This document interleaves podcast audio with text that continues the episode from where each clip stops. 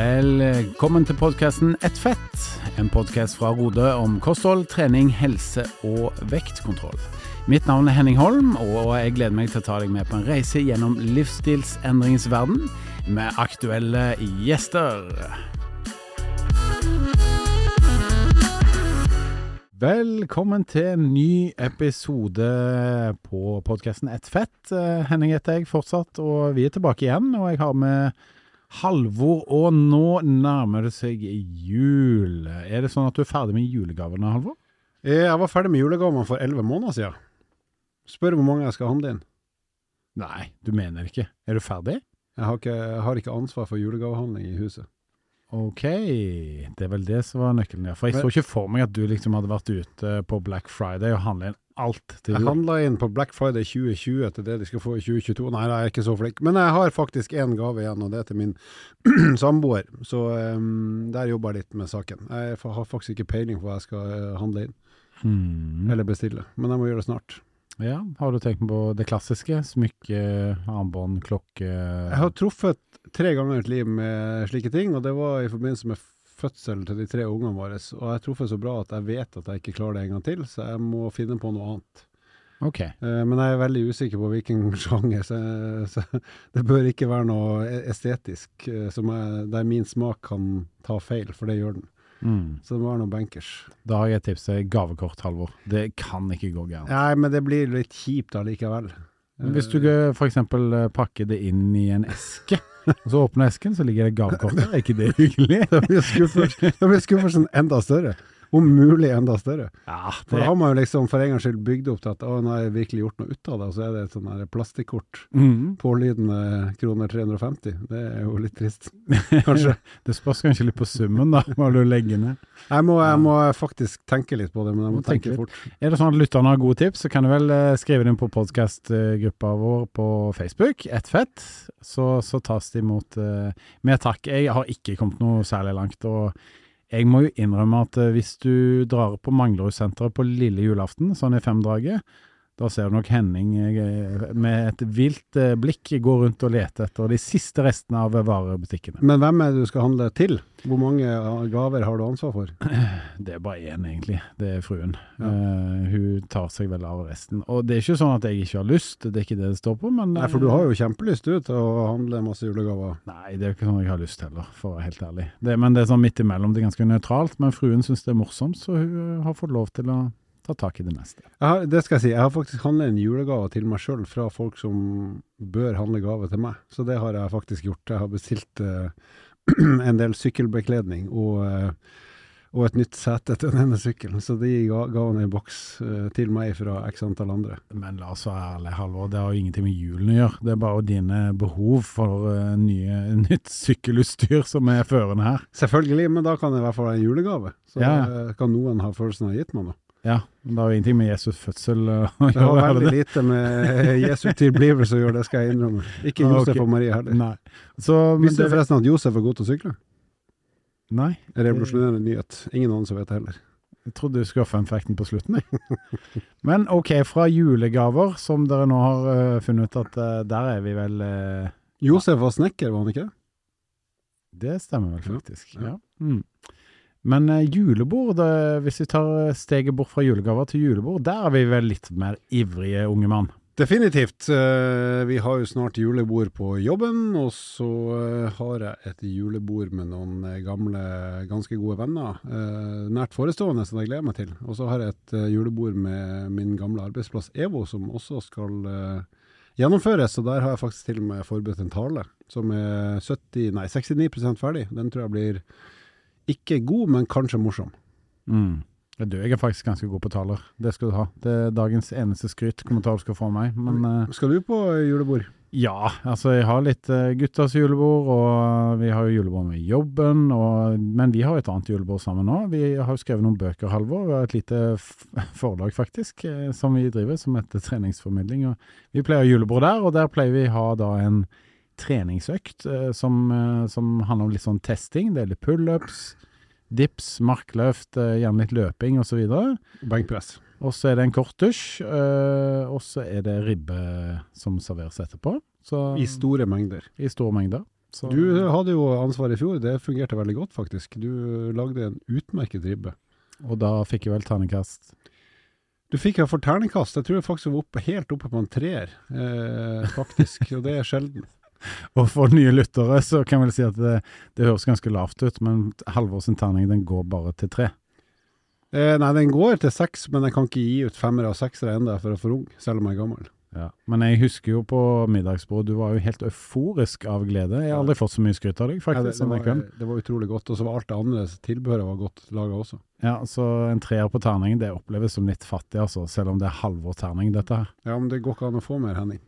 Greit, jeg får bare jobbe videre. Men eh, vi har jo eh, altså Hvis vi snakker om julebord, så er det jo ganske mange utfordringer der knytta til kosthold. Eh, ja, og, og det, det er jo kanskje en sesong eh, som mange har lyst til å passe inn i kjolen til, eller inn i dressen, og liksom ta seg godt ut, da. Eh, og der vil jeg bare ta med meg deg inn, Karoline. Du er jo dagens gjest, og mens vi snakker om de litt uformelle tingene, og før vi går på dagens tema, julebordsesong, det er jo noe som Roda har jobba med i mange år, er det ikke det? Hei. Eh, ja, julebord er noe vi har jobbet med i mange år. Det er jo alltid et hot tema da, nå i disse dager med eh, hva man skal spise, hva man ikke skal spise, hvordan man skal holde vekten, hvor mye energi det er i alkoholen man drikker. Så det er eh, alltid et hot tema som vi både skriver mye om på våre egne nettsider på Rode-magasinet, og som journalistene gjerne henvender seg til meg om. Ikke sant. Og eh, velkommen skal du være. Er det sånn at du eh, skal på noe julebord, eller? Jeg både har vært på noen julebord og skal på noen julebord. Eh, blant annet med dere to kjekke gutter. Skal jeg om ikke så lang tid. Så svaret er ja. Vi blir enda kjekkere utover kvelden, det kan jeg love deg. Men eh, julebord har kanskje en annen eh, dimensjon eh, for deg enn det kanskje har for oss, Halvor. For vi, vi er jo da godt satt og har vært eh, samboere og gifte. Altså ikke sammen, oss to, men på hver vår front i veldig mange år. men for deg, Karoline, så du er jo da singel. Eh, det, det må være litt mer spennende å gå på julebord for deg enn for oss. Ser du på tenker julebord som en mulighet, eller mer som en sånn plikt? Ja, nå sitter jeg og tenker fort i hodet mitt da hva slags julebord jeg skal på, og da kan jeg med en gang si at her er det ingen muligheter. For jeg skal jo da på et julebord med mine gamle barndomsvenninner. Venninner. Jeg skal på et julebord eh, på, med noen idrettshøyskolekollegaer, for jeg, på, jeg er involvert i et prosjekt der. Der er det bare kvinner. Jeg skal på julebord med Rode. Der er det bare eh, gode kollegaer. Selv om eh, noen er kjekke menn, som dere, så er det bare gode kollegaer. Eh, og bortsett fra det, så er, har jeg vel ikke flere julebord. Så for min del så er det ingen muligheter på julebordene mine i år. Men neste år så må du finne deg et julebord med muligheter også.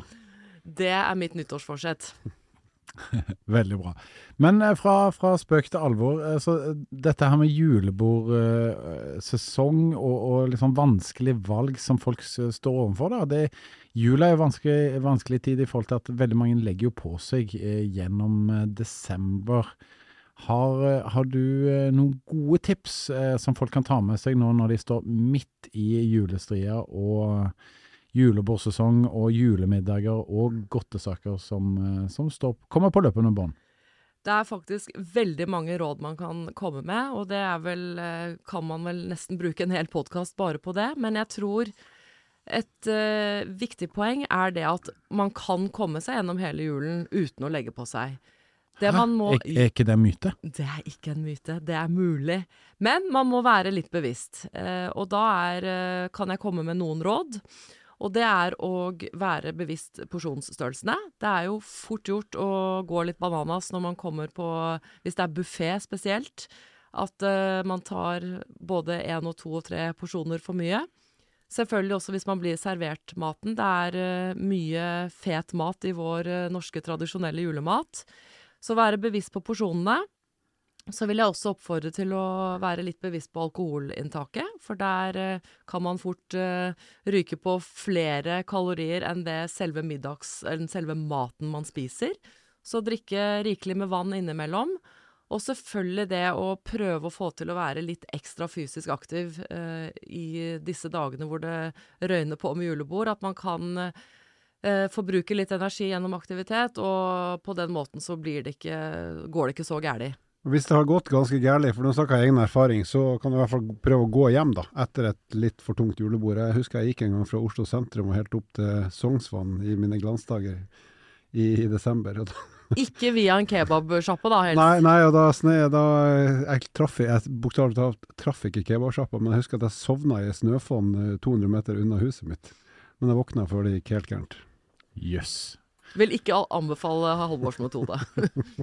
Nei, men uh, veldig, veldig gode tips du kommer med der. Men, men, det er jo veldig vanlig da å bevege seg mindre enn vanlig i desember og spise mer enn vanlig. Hvorfor er det sånn at det, dette er liksom kulturen vår? Hvordan havner vi her?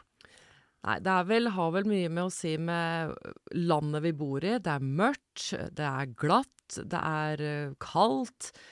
Det er noen som er uh, ivrige, sånn som deg, Henning, som løper ute året rundt, men uh, ikke alle er der. Og da blir dørstokkmila kanskje enda lenger. Det er tøffere og vanskeligere å komme seg inn på et treningssenter.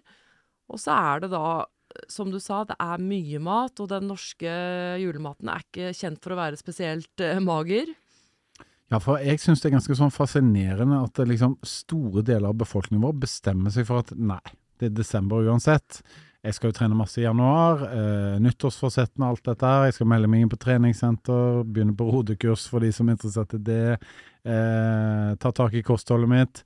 Alt det der skal skje i januar. Jeg kan like godt slappe av nå, og så kan jeg kose meg med masse god mat, og så tar vi det problemet senere. Det virker liksom som at hele befolkningen går i sånn eh, dvale, mer eller mindre. Men det jeg pleier å oppfordre til da, er å si ja, men hvis du tar tak nå i desember og er bevisst, da har du ikke en så stor jobb å sette i gang med i januar. Men hvis du nå glemmer alt og gir helt F i hva du tar inn og hvor lite aktiv du er, da har du en større jobb å gå løs på i januar. Absolutt, det er kjempegodt tips, og jeg er jo helt overbevist. Jeg trener jo som en gærning nå, fordi at jeg gleder meg til julemiddagen, ikke sant. Men det er ikke noe som folk flest uh, gjør dette. Vi er jo ikke helt uh, Altså vi tar ikke de pausene, da. I hvert fall vi som sitter i det rommet her, men veldig mange gjør jo det, Halvor. Ja, hvis man uh, nyter jula, for det syns jeg alle skal, men passer på å bevege seg flere ganger per dag, da. Ikke ha noe, du trenger å trene, trene men uh, kom deg ut flere ganger om dagen, så tror jeg det i seg sjøl både gjør at julematen smaker bedre, og at du føler deg litt piggere. Så kan det være en sånn enkel måte å få noe ut av jula på, ikke bare matmessig, men også sånn totalt sett. Og hvis man ikke er overivrig på å trene sånn som det dere er, og syns det er litt vanskelig å finne motivasjon til å være fysisk aktiv, så er jo et annet tips å på den dagen man skal ut på et julebord, og heller prøve å innta litt mindre mat tidligere på dagen, så har man litt mer å gå på på kvelden. Veldig bra, og jeg forstår jo det, at uh, folk har lyst til å kose seg litt ekstra osv., men kan være greit å planlegge litt på forhånd, som Karoline sier. og tenke litt, litt lenger, så holder man formen gjennom uh, den mørke måneden. Ja, Det er et veldig godt innspill, og da vil jeg bare slenge på en ting til her. og det er at jeg har jo lyst til at folk skal nyte den alkoholen de liker, og nyte den maten de spiser. Det skal ikke være sånn nei, ikke spis sånn og ikke drikk sånn og ikke ikke. Nyt det du liker, bare i passelige mengder. Yes, og da skal vi eh, bevege oss eh, inn på dagens tema, som kan være gode å ha med seg nå inn i, ja, juletiden, men òg inn i det nye året når vi kommer så langt. Og inn i resten av livet. Det kan man også si, og det er da temaet kostholdsmyter om eh, så, Som folk rett og slett eh, tror på, og som mange spør om ukentlig. Så vi skal rett og slett snakke om myter innen kosthold. Jeg eh, velger gjerne glutenfritt, jeg, fordi det er sunnere. Det er Er det en myte, eller er det en type sannhet i dette her? Hva tenker du, Halvor? Eh, har du hørt den her før? Jeg har hørt den her før, eh, så jeg er egentlig spent på svaret. For jeg er ikke så god på kosthold. Vil si, jeg er ikke spesielt god på ernæring, da. Så jeg er jo eh, glad for at vi har med oss Karoline i studio, som er mye flinkere enn oss på ernæring, som kan fortelle både meg og deg hva som er sant. Er glutenfritt sunnere? Er det bedre, eller er det, er, er det noe poeng å tenke at det skal være smartere enn noe annet? Mm. Hva sier du Karoline, er det noe sannhet her, eller er det rett og slett en myte? Nei, da skal jeg svare, og så får jeg håpe at du lærer noe nytt her i dag, da, Halvor. Eh, det jeg kan si, er at eh, det er kun en veldig liten prosentandel av befolkningen som trenger å spise glutenfri mat. Eh, de som da har cøliaki. Og det er ikke sunnere. Eh, I motsetning til hva de fleste tror. Eh, når man da tar ting ut av en matvare, så må man eh, fylle på med andre ting. Og det vi vet, er at glutenfri mat ofte har mer stivelse, altså sukker. Og så har det mindre fiber. Så veldig ofte, og stort sett, så er det glutenholdige alternativet faktisk bedre. Så fremt man ikke har glutenallergi, da. Og det som ofte er farlig, eller farlig i gåseøynene, når man sier at noe er sunnere enn noe annet, er at man da i tillegg ofte lett kan overspise det man tror er sunnere, fordi man tror det er så sunt. Og da går jo vinninga i hvert fall opp i spinninga. Så jeg vil si at så lenge man ikke har uh, glutenallergi eller en, uh, en helsetilstand som gjør at man ikke kan spise gluten, så skal vi andre spise glutenholdig mat. Men et tilleggsspørsmål, eller oppfølgingsspørsmål. Det her med glutenallergi, det har jo på en måte blitt ganske mye mer oppmerksomhet om det nå enn f.eks. når jeg var både 30 og 35 og 40 år gammel. Har det blitt Eh, er det mer utbredt, eller er det at man kan teste det bedre og finne ut om folk har det eller ikke? Eller har det blitt nesten en sånn motediagnose, eller hva skal jeg si? Det har nok definitivt eh, blitt en mer motediagnose. Mange som selvdiagnostiserer eh, seg selv. Mange som dessverre diagnostiserer barna sine med det. Så det man vet der, er at Eh, når man da faktisk tar barnet inn og tester, så er det mye lavere forekomst eh, der hvor man gjør disse testene, enn det som da det sies ute blant befolkningen av antall barn som har allergi. Stor forskjell. Ja, for jeg, jeg, jeg tror på folk, altså, og det er ikke noe stort problem for min del. Men, men uansett, hver gang vi har arrangert barnebursdag, så er det minimum tre av ungene som er på besøk som har glutenallergi i henhold til foreldrene. Det kan godt hende det stemmer, altså, men jeg har liksom tenkt at just det, det er da tross alt ganske mange hver eneste gang. Er ikke det rart, for sånn var det ikke når du gikk i barnebursdag? Nei, ikke det. Jeg, ble, jeg ble aldri invitert av da, så det er en litt sånn trist historie. men, eh, men det, er, eh, det, er, helt riktig, og jeg har jo opplevd det selv med mine barn og i barnebursdager. Og jeg husker jeg var litt frekk en gang mot han ene gutten da, som mente han hadde glutenallergi. Så sa jeg, eh, for da var han veldig sånn ja, har du glutenfri lompe og kake og det ene og det andre? Og så sa jeg men du, hva skjer hvis du spiser en lompe? Så sa han jeg får litt vondt i magen, så jeg OK, du har ikke glutenallergi. uh, og da kom det jo fram til etter hvert at det her var noe mora hadde påført han, da. Men hvis du har glutenallergi og spiser da både én og to og tre lomper og sånn, hvordan oppleves det? Altså Hvordan merker man det på da kroppen? Har, da har man det ikke godt. Det er smerter og det er ubehag, og, og da, det, det, skal du ikke ha i deg hvis du har cøliaki. Mm. Så, og det er jo det som er litt ulempen nå, da, for de, de få som har cøliaki. At så mange tuller og tror de må spise glutenfritt. Men for folk som har cøliaki, så er det faktisk veldig alvorlig hvis de får eh, gluten i seg. Ja, for uh, jeg har en nabo og en god kompis som da faktisk ikke tåler gluten. Og hvis han får i seg det Han har jo vært uh, borte og spist hos oss, og så trodde vi da at noe var glutenfritt, og så var det ikke det. og Det var kun spor av det. og da da er han skikkelig dårlig, altså. Da er det både oppkast og ut den andre veien, og skikkelig dårlig et halvt døgns tid. Og et uh, innspill til det, det er at det er nettopp det som vi snakker om nå, at har, mange tror det har blitt sunnere, så fyker jo de produktene fra butikken. Men de må jo være igjen til nettopp de som har en allergi. Det er jo helt tullete at vi andre skal drive og røske fra oss disse tingene fra butikkhyllene.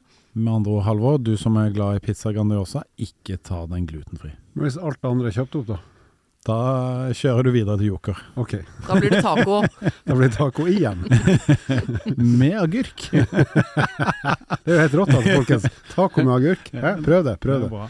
Men uh, vet du hva, det var veldig lærerikt. Tusen takk, Karoline. Vi går videre til dagens uh, neste myte eller fakta som vi skal diskutere. Og uh, her kommer den. Lavkarboøl er sunnere og bedre enn vanlig øl. Det må jo stemme, vel? Altså kanskje ikke det med smak. For jeg må innrømme at øl for meg primært handler om smak. Altså når jeg drikker øl, så vil jeg jo mm. ha noe jeg liker å drikke. Ja. Og da, da må jeg innrømme at da ser ikke jeg på verken alkoholprosenten eller, eller eh, kaloriinnholdet. Men Ja. rent logisk så skulle jeg vel tro at ja, kanskje vil kaloriinnholdet påvirke smaken òg, kanskje? Ja, jeg vil vel si at i ganske liten grad, hvis jeg skal bedømme på mine egne smaksløker. Den, eh, den er litt slankere, for å, si det, for å prøve å snakke i en smaksmetafor. Smaksløken, eller?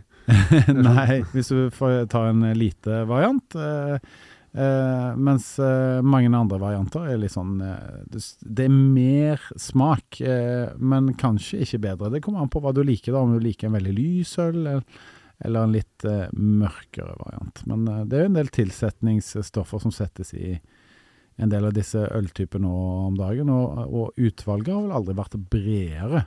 Det må jeg vel si. Men hvis vi går til myten, da, og ikke smaken, i forhold til at det er sunnere og bedre enn vanlig øl, hva, hva tenker du der, eh, ekspert Karoline? Takk. Jeg kan jo si det at jeg skal holde meg helt utenfor debatten om smak, for jeg drikker Og løk. og løk. Jeg drikker kun korona på afterski. Det er den eneste gangen jeg drikker øl, og den eneste ølen jeg drikker.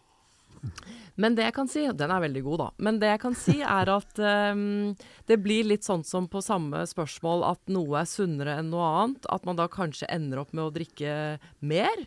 For man tror at en lavkarbøl er sunnere, så drikker man mer av den. Og da, da er det ikke sunnere, og da får du ikke en bedre dagen derpå eller noen ting. Men det jeg kan si, er at um, det er ikke så stor forskjell kalorimessig mellom lavkarboøl og vanlig øl.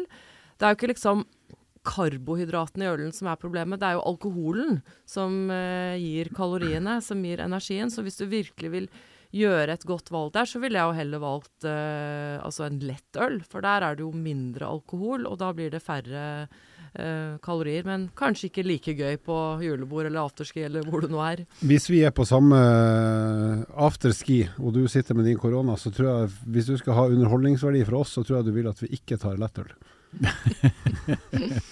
Uten, poeng. uten at det er noen oppfordring om å drikke, for det gjør vi for så vidt ganske sjelden. Men eh, ja.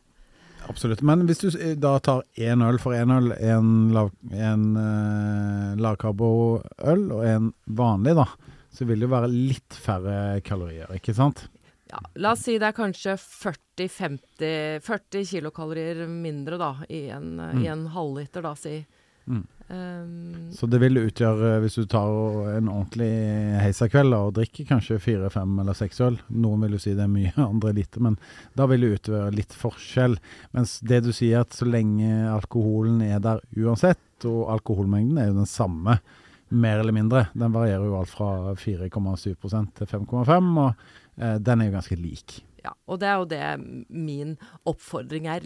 Drikk den ølen du liker. Ikke drikk lavkarbo fordi det skal være så mye sunnere, og du ikke syns den er noe bedre. Da syns jeg ikke det er noe nødvendig. Det er ikke der slaget står. Det er ikke der slaget står. Men hvis det står om tusendeler og hundredeler, så er det vel sånn at det lavkarboølen er kanskje å foretrekke.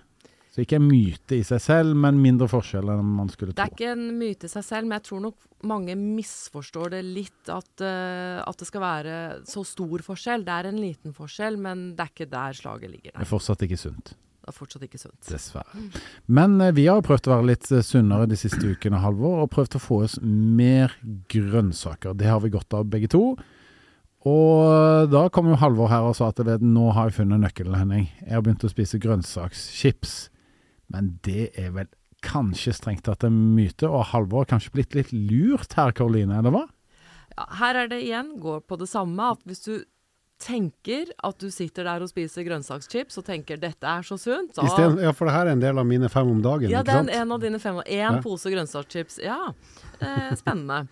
Nei, men da Og du da sitter og døtter i deg dette her, eh, og tror det er sunt. Da igjen går vinninga opp i spinninga mot hvis du skulle da spise litt grann vanlig chips. Det som er problemet med grønnsakschips, er at det er jo bortimot like mye fett på det, og det er i hvert fall like mye salt, hvis ikke mere. Så et langt bedre alternativ her er, eh, Halvor, hold deg fast, det er å lage dem selv. Lag grønnsakschipsen selv. Hva tenker du om det? Da tenker jeg at det er kjempesmart, for da blir det ikke gjort, og da blir det heller ikke spist.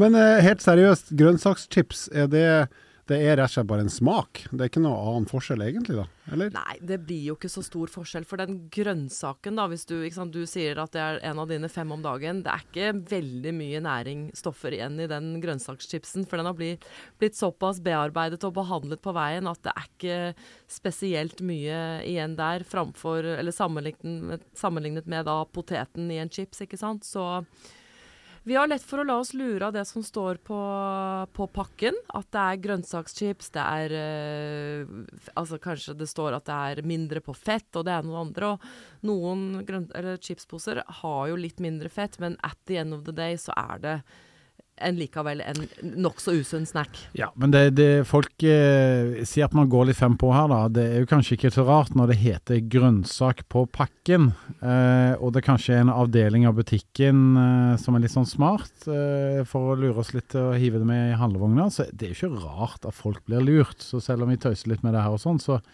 det er, jo, det er forståelig. Og det er jo det som er forferdelig, nettopp fordi mm. folk blir lurt. Folk tenker å, dette er sikkert mye sunnere fordi det heter grønnsakschips. Men mitt råd er jo da alltid å snu på pakken, les hva som er i den. Og da spesielt med varer som det her, se hvor mye mettet fett det er, se hvor mye salt det er. Og prøv å utfordre deg selv til å prøve å lage din egen variant. Og der må vi bare si generelt være veldig oppmerksom på alt som reklameres med grønnsaker. Det er sannsynligvis skummelt. hold deg unna, hold deg unna. Og igjen, da, som jeg har sagt på de forrige mytene òg, eh, ikke spis grønnsakschips fordi det er sunnere. Spis det fordi du kan spise det hvis du syns det er bedre enn vanlige chips. men spis det du foretrekker og syns er best, enten det er grønnsakschips eller chips, i passe mengde. Da går jeg tilbake igjen til min favorittchips, som er paprikachips, men i en passe mengde. Ja, det er jo paprikakrydder på det, Halvor. Det er jo ikke så mye paprika. Nei, men da, da, skal jeg ha smaken. Og så skal jeg kose meg med det, men jeg skal spise en passe mengde. Det høres bra ut. Det høres bra ut. Bra. Nei, men eh, det handler jo veldig ofte om at uh, produsentene ønsker å da gjerne vise til et litt sunnere alternativ på kos, ikke sant. Men, men skal man gå for å kose seg, kanskje da, det, dette er bare min personlige mening, men kos deg den dagen. Kos deg ordentlig. Og så er det tilbake igjen til en sunnere hverdag de andre dagene. Så det som jeg alltid har sagt til mine PT-kunder, det er liksom ta tilbake lørdagsgodtet, da gjeninnføre lørdagsgodtet. Og det funker, det funker med mine barn, og det funker med meg selv. Ja, og det er jo helt riktig det du sier, at man skal prøve å ha lørdag en dag i uken.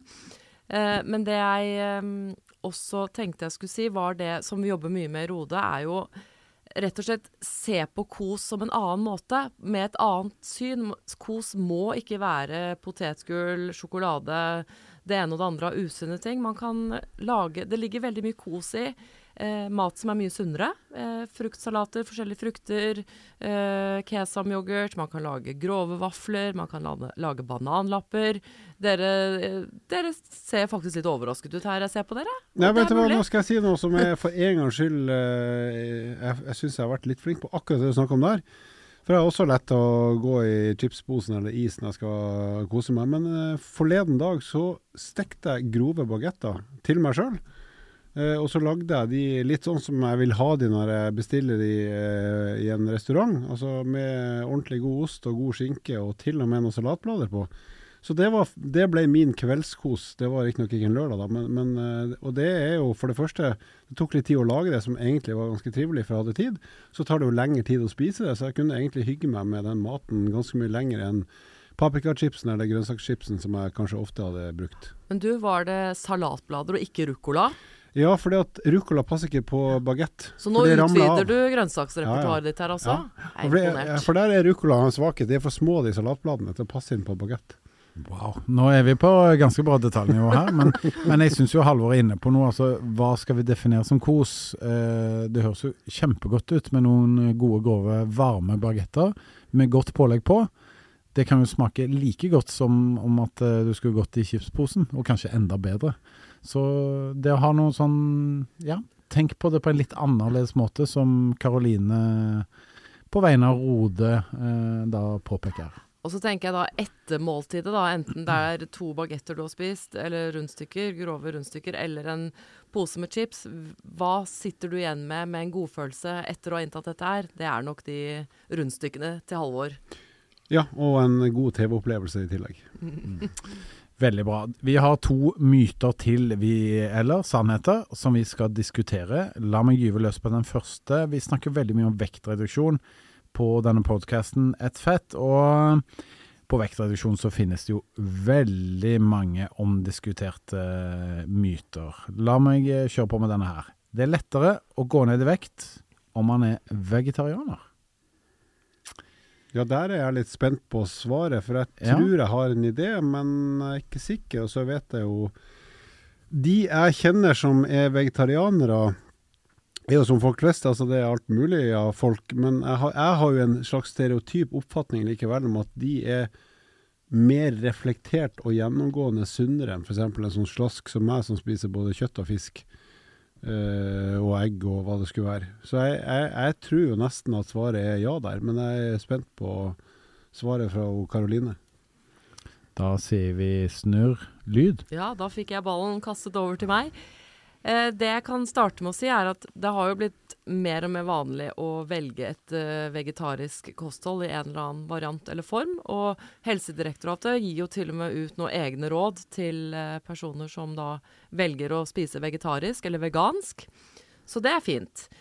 Så er det da sånn at for veldig mange, sånn som du sier, Halvor, så er er det at de velger et vegetarisk kosthold som en del av hele livsstilen deres. De trener mye i tillegg, de tar mange sunne matvalg. De, de har en sunn livsstil. Det gjelder eh, mange som velger å være vegetarianere. Men så har vi da en gruppe også hvor vi ser at eh, det er likevel en høy forekomst av overvekt og fedme. At de spiser et faktisk ganske usunt kosthold, selv om de er vegetarianere. Og der er det igjen det der at de kanskje tror at det er så sunt å være vegetarianer, så da kjører de på med det ene og det andre i salatene sine. Altså en, en vegetarisk salat kan faktisk være ganske så energiholdig med, med, sant, med, med det ene og det andre, og oljer og sauser og det ene og andre man topper på med, med frø og Det kan være sunt, men når eh, det blir for mye energi, så, så legger du på deg. Ja, for det jeg har observert ofte når jeg spiser måltider med vegetarianere, at eh, det valget da man, man får istedenfor gjerne kjøtt eller fisk eller fugl, altså kylling, så er det gjerne en sånn variant av noen sammensatte stoffer eh, som er ganske karbo karbohydratholdig, da. Ja.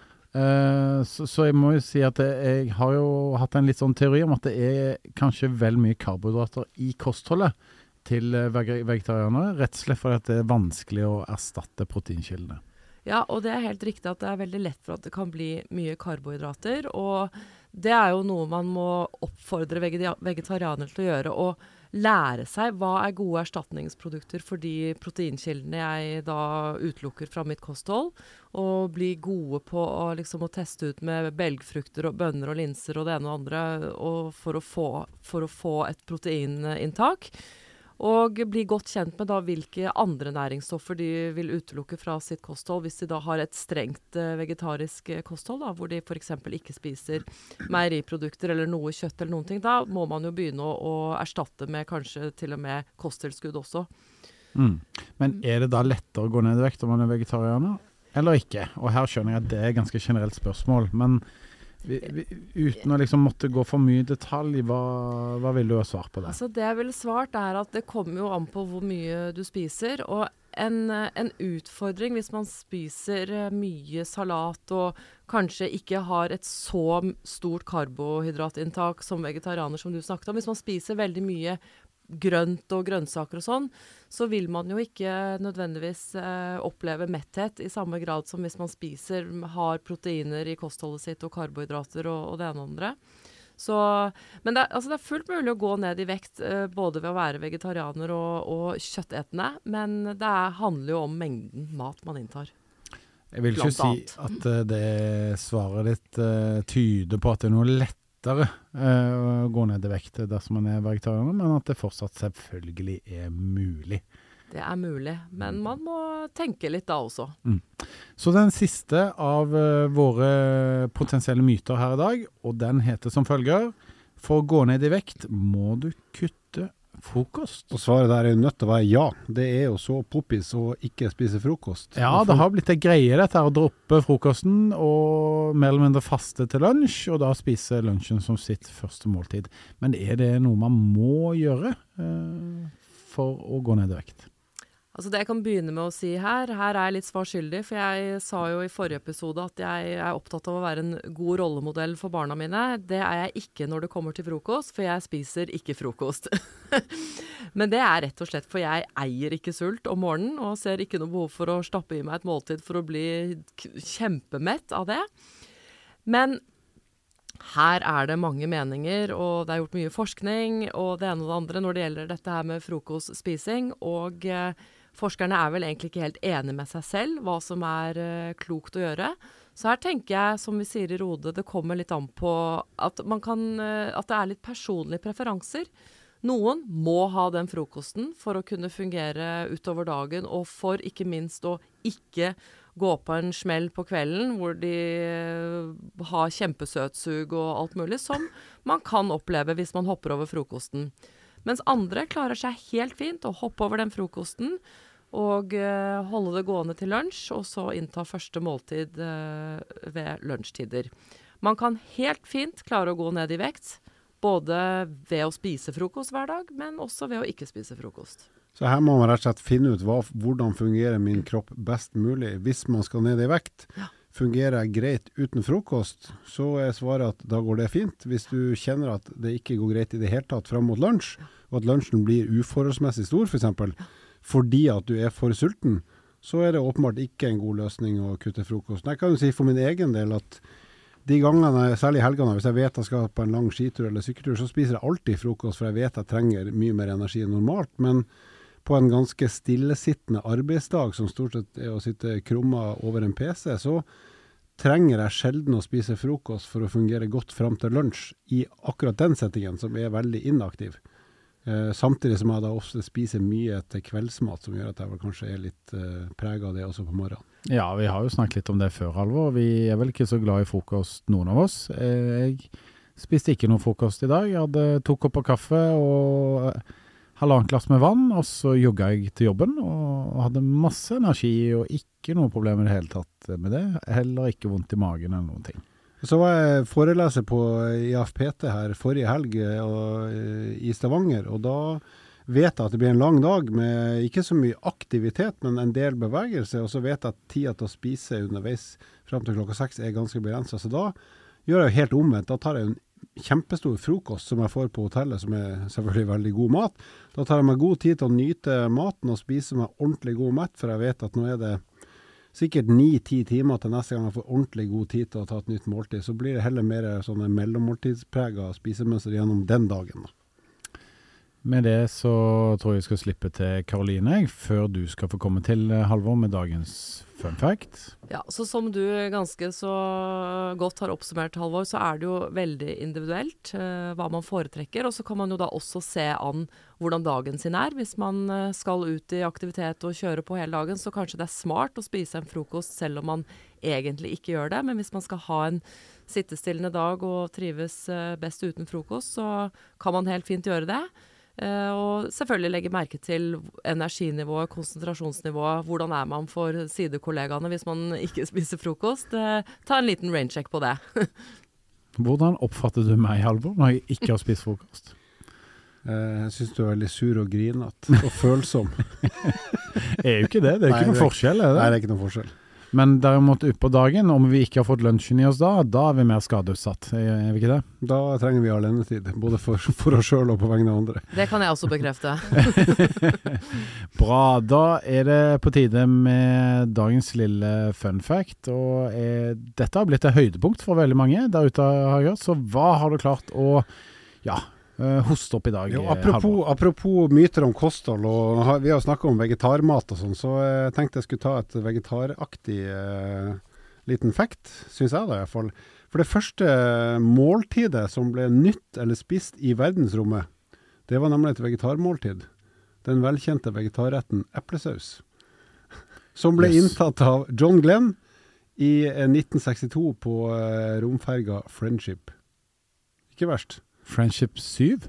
Friendship eh, 7, ja. Du har googla mens jeg snakka nå, Henning. Ah, eller visste nei, du det? ja, jeg syns jeg husker dette. Ja, ikke sant? 1962, første måltid i verdensrommet. en vege- Vegetarrett, eplesaus. Har du smakt det noen gang, eh, Karoline? Og det har jeg smakt flere ganger. Det er faktisk ganske godt. Men jeg sitter og stusser litt over at, eh, de- at de hadde med seg det der. Hva var det de valgte å ikke ha med seg? Jeg tror de brukte alle kosemerkene sine på eplesaus. det tror jeg òg. Det tror jeg var de velkjente siste ord på denne podkasten Ett fett, som omhandla myter. Og myter er så populært å snakke om at det skal vi komme tilbake til også i neste episode, faktisk. Så takk for i dag. Jeg håper dere har hatt en fin lyttesekvens med oss, og så høres vi neste uke. Takk for at du lytta på nok en episode med podkasten Ett fett. Dersom du er interessert i å lese mer om eh, livsstilsendring, gå inn på Rode-magasinet på rode.com. Vil du stille oss spørsmål som vi kan diskutere i en episode, ikke vær redd for å sende inn på Facebook eller Instagram hos eh, Rode. Til neste gang, vi høres.